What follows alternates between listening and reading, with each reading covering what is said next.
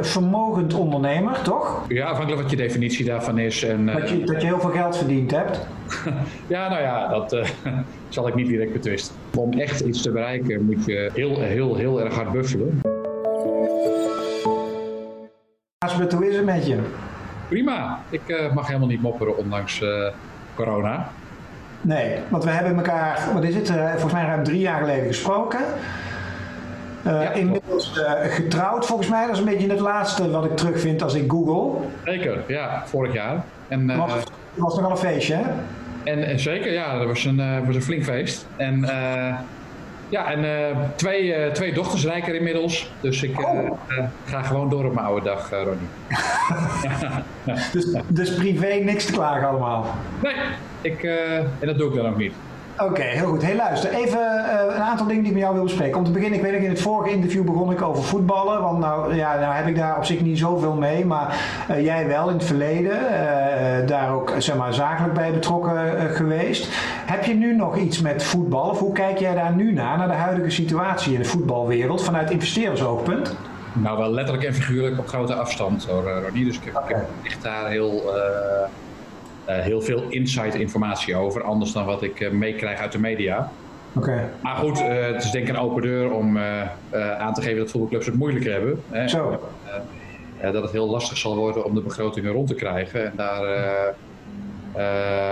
ja, daar, waar ik wel een beetje bang voor ben, is dat er nog wel knups gaan sneuvelen in deze tijd. Hmm. Goed, heel veel meer info dan wat je in de media daarvan meekrijgt, heb ik ook. Onder afstand van dat ik veel te druk ben met mijn, uh, al mijn andere activiteiten. Nou, ik zou zeggen, vertel het even voor de mensen die jou niet kennen. Ik mag jou toch wel kenschetsen als een uh, vermogend ondernemer, toch? Ja, afhankelijk wat je definitie daarvan is. En, uh, dat, je, dat je heel veel geld verdiend hebt? ja, nou ja, dat zal ik niet direct betwisten. Nee. Uh, dus dat betekende dat je, maar dat is wel leuk, want ik heb natuurlijk in het verleden vaker ondernemers geïnterviewd die een vermogen bij elkaar verdiend hebben. En het leuke is, wat je dan vaak merkt, is dat geld eigenlijk niet echt de drijfveer is. Geldt dat voor jou ook? Uh, zeker, het is zeker niet de drijfveer. Het is wel in mijn vak wat ik nu heb een heel belangrijk instrument om uh, leuke dingen te kunnen doen. Hè, want hmm. met de euro's die ik in het verleden verdiend heb, investeer ik nu. En uh, hoe meer euro's je te besteden hebt, hoe meer uh, leuke opportunities je kan benutten. Dus in die zin uh, vind ik het wel belangrijk. En daarnaast is het ook een. het resultaat van mijn inspanningen moet er ook toe leiden dat die 1 euro 2 euro wordt. Dus uiteindelijk is het. het doel is niet om 2 euro te hebben in plaats van 1, maar het doel is om dusdanige interessante investeringsproposities uh, te traceren tegen een beheersbaar risico en uh, dan uiteindelijk uh, als resultaat te bereiken dat ja. die 1 euro 2 euro wordt. En dat geeft, ja. geeft mij ja, is, is dat verslavend? Voor mij wel, ja. Ik kan daar mijn ondernemersdrive wel in kwijt. Vertel eens, waar ben je allemaal mee bezig? Nou, ik investeer met name via private equity fondsen. Dus het is in die zin wat saaier dat ik daar niet wellicht zulke hele spannende verhalen over kan vertellen. Maar ik zit in 35 private equity fondsen.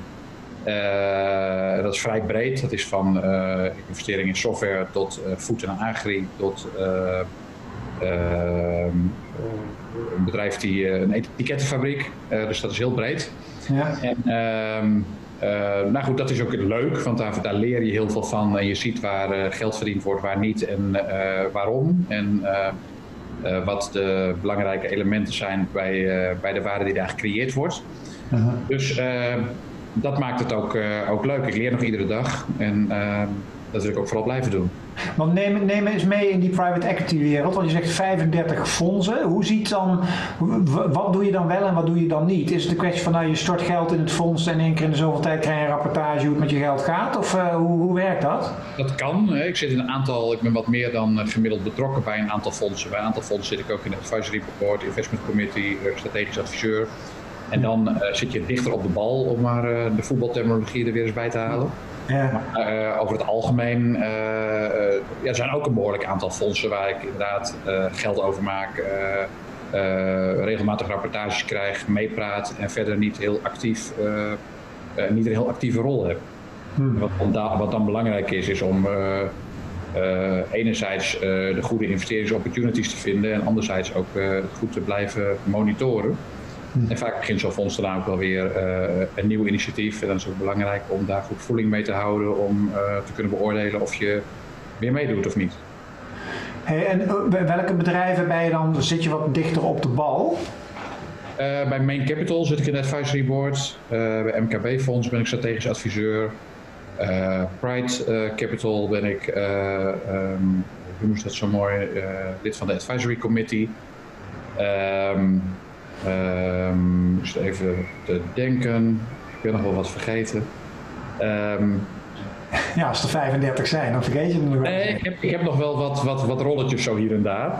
Ja, ja. juryvoorzitter, of althans afgelopen jaar geweest van de Best Small Cap Deal. Dus daar wordt dan de beste uh, deal met een bepaalde omvang, in dit geval een wat kleinere deal uh, in private equity wereld beoordeeld.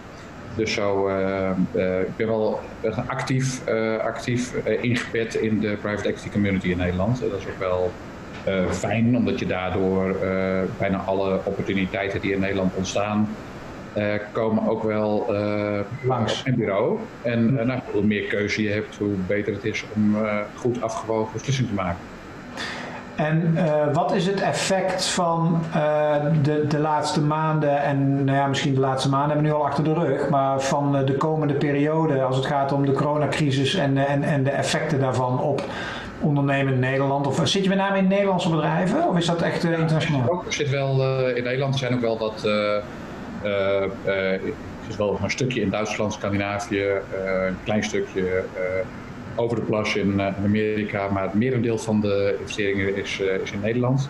Mm En dan merk je wel dat we nu alweer heel anders aankijken tegen corona en de impact daarvan dan in, uh, in maart toen het in alle hevigheid losbarstte. Uh, toen was het beeld van nou voorlopig zullen uh, alle exit-trajecten wel on worden gezet. Er zal voorlopig ook geen, geen niet of nauwelijks investeringsactiviteit zijn. En je ziet inmiddels alweer dat iedereen eh, hard bezig is met het eh, eh, opzetten van, van, van processen om bedrijven te verkopen. dat er weer tenders georganiseerd worden, veilingen waarbij bedrijven verkocht worden. Mhm. dat, dat de banken weer beginnen te financieren, die aan het begin een handen vol hadden aan de corona-gerelateerde kredieten. Mm die zijn nu ook weer actief met het mede, mede mogelijk maken van de financiering van van investeringen. Mhm. En uh, nou, die combinatie maakt wel dat we weer uh, vrij, vrij, snel genormaliseerd lijken te zijn. En uh, dat alles voor een groot gedeelte alweer is zoals het was. Het belangrijkste verschil is dat, ja, dat liquiditeit natuurlijk een groot issue is. Omdat ehm, ja, je moet er toch rekening mee houden dat de verplichtingen die je werd aangegaan als investeerder gewoon doorlopen. En de, cash in, omdat je bedrijven uh, ook verkoopt, wat onderdeel is van mijn model, uh, dat het wat langer kan duren dan, uh, dan we gewend waren. Mm -hmm. Dus je moet wat meer zandzakken voor de deur hebben in termen van liquiditeit. Dus wat voorzichtiger zijn met nieuwe, investering, nieuwe investeringsopportunities aangaan en wat meer focus op de bestaande portefeuille en de mogelijke liquiditeit die dat, ja, die dat nog behoeft. Zandzakken voor de deur noem je dat? Ja, inderdaad. Ja. maar die heb je nog genoeg? Zandzakken met, uh, met euro's erin. Ja. Uh, ik probeer uh, wat minder, wat, minder wat voorzichtiger te zijn met nieuwe investeringen. zodat wat meer kruid erop blijft inderdaad. Ik vind twee dingen vind ik interessant om met jou over te praten. En ze schieten minuten binnen hoor. Uh, en de, de eerste is, uh, uh, zijn er dingen, als jij kijkt naar de wereld, even wat breder perspectief, hè, zijn er dingen waar jij je zorgen om maakt als je om je heen kijkt wat er allemaal gebeurt? Ja, die zijn er altijd, maar dat ik er zomaar één of twee uitpik en dan ook nog eens die specifiek corona gerelateerd zijn, want ik denk dat je dat bedoelt. Uh, dat... Nee, in, in volledig brede zin. Als we kijken naar eh, ontwikkelingen op het gebied van klimaat, als we kijken naar uh, internationale ontwikkelingen, hoe landen zich ontwikkelen en wat dat betekent voor internationale handel. Gewoon de grote bewegingen in de wereld. Uh, zorgen, hè? want natuurlijk is klimaat een belangrijk issue en hoe dat zich ontvouwt maar we zien nu door corona ook hoe, uh, hoe eng het misschien wel uh, uh, was of is om zo dicht op elkaar te zijn met z'n allen. Ehm, maar ook Trump is een, vind ik best eng. Hè? Die, dat is ook een heel blij projectiel. Zeker in deze tijden maakt dat ja, maakt het best wel ook wat angst in je los. Dat je denkt van wat, wat gaat hij nu weer, wat gaat hij nu weer uitvreten. Er zijn denk ik een heleboel dingen waar, waar het gezond voor is om permanent een stukje angst voor te hebben. Maar de dingen waar je geen invloed op hebt of nauwelijks invloed op hebt, uh, probeer ik me niet al te druk over te maken. Ik probeer het ja, ja. micro te zien van wat kan ik uh, vandaag of morgen beïnvloeden. En uh, dat is met al deze zaken niet zo eenvoudig aan de orde. Dat is weer ja. anders dat je dan zegt van nou ik doe maar niks, want ik kan het toch niet in mijn eentje veranderen. Maar zorgen hebben, probeer ik daar niet over te hebben. Want dat, dan, dan, zou je geen oog dicht doen om iets wat je zelf niet zomaar kunt veranderen. En dat is denk ik zonde van je negatieve energie. Ja, een hele goede les. Het tweede wat ik voor jou wil weten is, er zijn vrij veel jonge ondernemers ook die kijken naar eh, CVD-TV, studenten, jonge ondernemers. Um, en die vinden het altijd prachtig om mensen zoals jou te horen. Hè? Want jullie zijn toch gewoon role models. Hè? Jullie staan in de quote en jullie hebben miljoenen verdiend. En uh, um, wat, zei, wat, zeg je tegen dat soort gasten? Als jij, want ik kan me ook voorstellen dat je wel eens tegenkomt in het wild. Uh, wat, zijn, wat, wat, zijn wat zijn boodschappen tegen, tegen, tegen, tegen die generatie die er nu allemaal aan zit te komen? Nou ja, de, de, jonge generatie verwacht uh, dat je ze adviezen geeft in de zin van. Uh, als jij uh, iets heel slims uitdoktert, dan kun je daarna met relatief weinig doen heel veel geld verdienen. En ik ben van een andere generatie, dan zie je de kloof alweer. Ik ben nog maar 48, maar, maar toch. ik, laat ik zeggen, om echt iets te bereiken moet je, ja, dat kost bloed, zweet en tranen, moet je in de eerste plaats heel, heel, heel erg hard buffelen. En dat is iets waar je het mee, meestal niet zo populair maakt. Want uh, de jeugd verwacht uh, uh, wat tips te geven hoe dat wat eenvoudiger kan. En hoe dat desondanks miljoenen binnenstromen. Ehm, goed, en als je op een gegeven moment een bepaald vermogen hebt, dan kun je in staat zijn, als je daar ehm, voldoende tijd in steekt en voldoende kennis van krijgt, om met wat minder inspanningen van die 1 euro, 2 euro te maken om tot 1 euro te komen. Uh, en, en, dus een, een, kapitaal te vergaren waarmee je daarna wellicht uh, wel slimme dingen kunt doen, zul je de eerste plaats heel erg hard moeten, moeten wikkelen.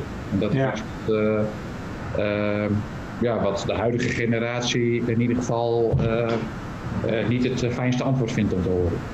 En betekent dat ook dat je enorm gedreven moet zijn mm, in, in waar je mee bezig bent, zeg maar, dat je het leuk moet vinden? Zeker, je moet het leuk vinden. Je moet natuurlijk ook uh, best een uh, plaats voor je hoofd hebben en een doel waar je vol voor wilt gaan. Um, en dan moet je alles voor een kant schuiven. Dat, dat, betekent dat je dan vanavond niet naar de kroeg kunt, omdat je vanavond nog verder moet werken aan je bedrijf. -hmm. En dat er heel veel leuke dingen ja, on hold staan, of in ieder geval voorlopig niet aan de orde zijn. Dat je eerst die 80 uur per week uh, moet steken in het uh, succesvol maken van je droom. Ja, en, en het is ook, ik vind altijd onder, ik heb altijd respect voor ondernemers, want heel veel, ik, ik vind mezelf, ja, ik, ik ben wel ondernemer, maar ik, ben, ik, ik neem niet zoveel, ik kan niet zoveel risico nemen. En ondernemers die kunnen op een of andere manier hebben die soms de ballen om, om echt op momenten dat je denkt, oh my god, om dan toch dingen te doen. Kun je, als je terugkijkt, heb jij dan momenten dat je denkt van, de, de, de, toen ik daar zat, dit was echt zo... Daar zou ik met terugwerkende kracht meer zorgen over hebben dan over de uh, macro-issues die we net noemden. Ja, maar, ja, maar denk eens... Dat zijn er heel erg veel, maar ja? uh, um, uh, ik denk in ieder geval het investeren in een voetbalclub, want dat is niet dat, dat zou ik bijna geen investeren durven noemen. Want investeren, dat betekent dat je van plan bent om, zoals meermaals genoemd, van die 1 euro 2 euro te maken. En, maar, Dit was in een putje gooien? Laten dichten bij een voetbalclub in, in de hoop dat ooit nog eens een keer terug te zien. laat staan daar misschien ook nog een rendement op te realiseren. dat zou ik niet meer zo snel doen. Nee. Want Vitesse, van heeft ook Vitesse, toch?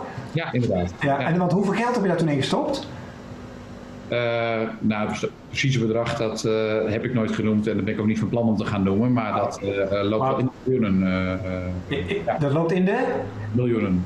Ja, ja, ja, ja, gewoon best wel heel veel geld gewoon. Dat, dat is heel veel geld en dat is eigenlijk mijn hele pensioenpotje zat in de voetbalclub. En daarnaast had ik een bedrijf op dat moment wat ook een stuk minder goed ging dan het wel eens gegaan was. Dus dat was best, best heel zorgelijk. Dat, ja, ik ben niet iemand die zegt uh, dat had ik achteraf wel of niet moeten doen. Want achteraf nee, nee, nee. kun je dat niet beslissen. Dat moet je, je moet vrij blijven kijken. Maar het heeft wel. Het heeft, vind je best een, een tricky iets. Ja, daar sliep ik niet zo heel lekker bij op nee. een aantal momenten. Maar een pensioenpotje van een paar miljoen, je had ook een paar honderd miljoen of zoiets op een gegeven moment. Je was, je bedoel, ja, het zijn allemaal maar, maar, van die bedragen dat ik denk van ja, hoe ziet dat eruit op een rekening? Maar jij bent toch goed voor, heel, voor een heel groot nou, vermogen? Hoe een rekening eruit ziet, dat weet ik helaas niet. Uh, uh, want dat zat ook vast in een bedrijf uh, wat uiteindelijk ook het bedrag niet, niet opgeleverd heeft. Maar inderdaad heb ik wel een vermogen gehad van honderden miljoenen. Maar dat is wat anders dan dat het op je bank staat. En het is wat anders dan dat je daar van naar de, naar de Albert Heijn kan. Dus ehm, eh, het verschil tussen, eh, tussen liquiditeit en vermogen is, een, eh, dat is nogal een gat. Ja. destijds dat ik heel hoog in de quote stond, ook wel gebeld door huis- en huisservices die zeiden hoe voelt het dan om zoveel 100 miljoen op je rekening te hebben. Ja, ja. Dus ik heb geen idee, dan, dan snappen ze dat meestal doorgaans niet. Ja. En, dat zijn toch echt twee andere grootheden. En ja. ja inmiddels probeer ik het ook wel zo te organiseren dat dat er ongetwijfeld dingen niet goed kunnen gaan in mijn investeringsportefeuille, maar dat ook de liquiditeit en het structureel die verplichtingen kunnen blijven voldoen, ja. gecontinueerd kan worden.